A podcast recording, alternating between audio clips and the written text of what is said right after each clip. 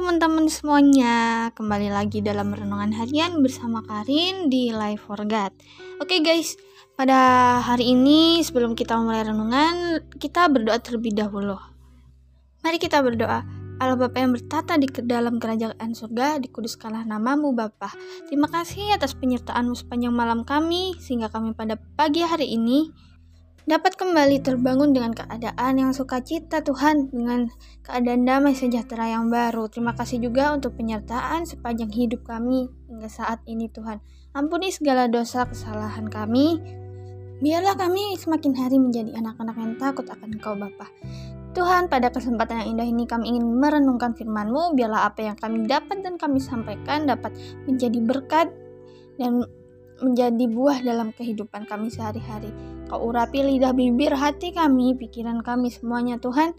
Biarlah apa yang kami dapat dapat kami pakai dalam kehidupan kami sehari-hari. Kami serahkan dari awal pertengahan hingga akhirnya hanya dalam nama Tuhan Yesus Kristus. Haleluya. Amin. Oke okay guys, pada pagi hari ini aku ingin mengajak kalian membuka dalam Matius 7 ayat 21 sampai 23.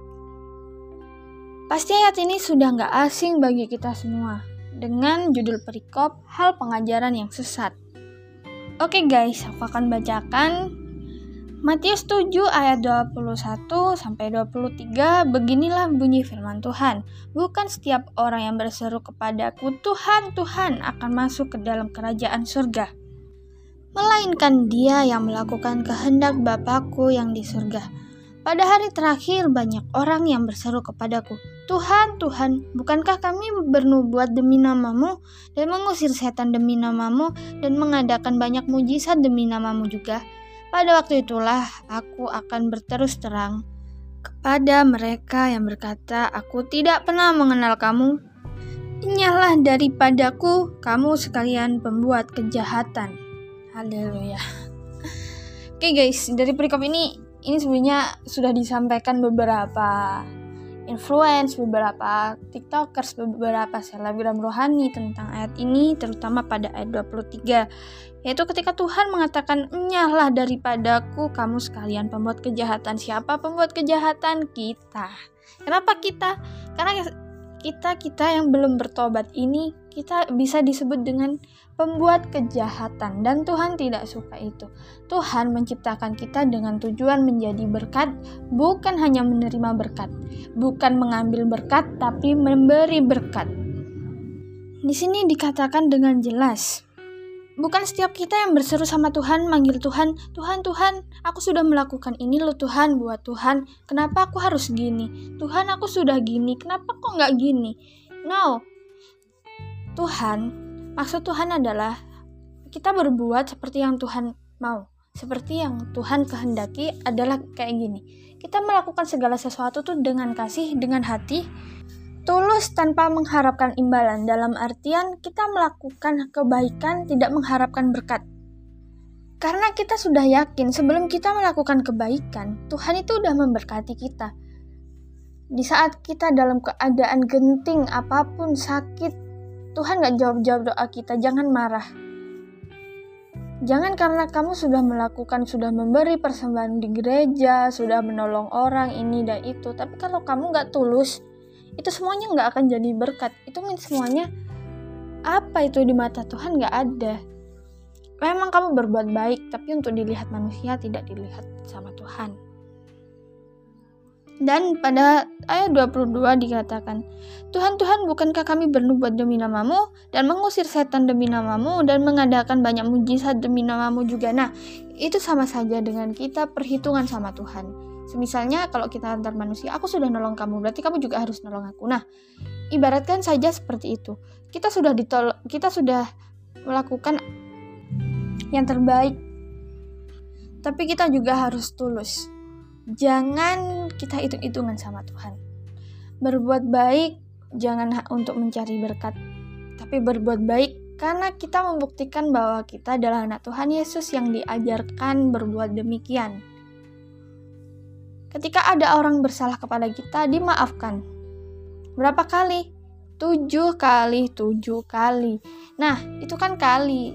Belakang kali udah nggak ada angka lagi, berarti itu terus-terusan. Gitu guys. Jadi harus melakukan segala sesuatu tuh dari hati. Emang kamu kamu semuanya mau kalau nanti ketemu Tuhan tiba-tiba Tuhan ngomong nyalah daripada aku kamu sekalian pembuat kejahatan. Kan serem.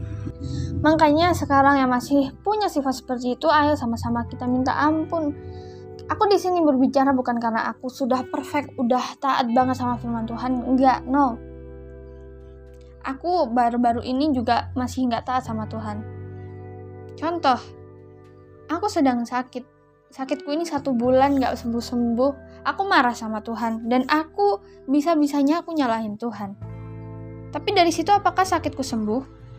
Enggak. Sama sekali gak sembuh.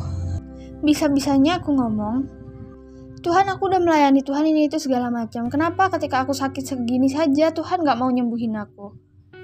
Apa Tuhan marah sama aku? Nah, aku sampai ngomong kayak gitu. Tapi ketika aku sadar, kenapa aku bisa ngomong kayak gitu? Berarti selama ini aku berbuat baik itu hanya untuk mengharapkan berkat saja, nggak tulus. Nah, dari situ aku sadar dan aku dapat pelajaran yang hari ini aku sampaikan kepada kalian. Jika kalian berbuat baik atau apa, jangan setengah-setengah. Jangan karena manusia, tapi karena Tuhan. Tuhan tuh sayang sama kita. Meskipun kita nggak berbuat baik, maksudnya diem aja. Kamu duduk nyantai aja, Tuhan ngasihi kamu. Gitu.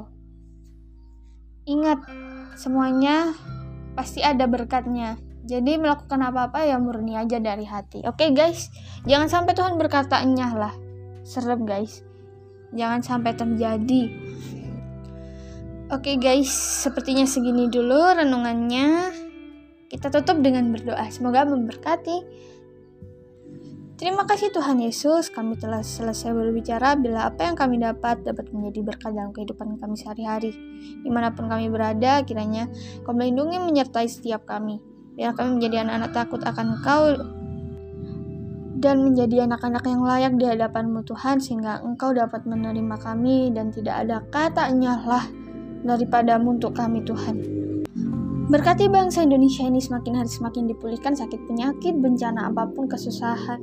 Tuhan selesaikan semuanya dengan tangan-tangan Tuhan. Kami yakin uluran tangan Tuhan adalah uluran paling panjang Tuhan. Setiap kami yang punya pergumulan, sakit, penyakit, ekonomi semuanya Engkau memulihkan Bapa. Kau berkati komunitas-komunitas yang ada saat ini, komunitas rohani tentunya Tuhan, terutama untuk Life for dan Cast Lovers, kiranya semakin hari semakin maju, semakin menjangkau banyak jiwa Tuhan, terutama jiwa-jiwa muda Tuhan. Inilah doa dan seruan kami. Jika sebentar kami akan kembali beraktivitas, kiranya kau menyertai melindungi kami. Hanya dalam nama Tuhan Yesus Kristus, kami sudah berdoa dan mengucap syukur. Haleluya. Amin. Oke okay guys, God bless you. Stay safe semuanya.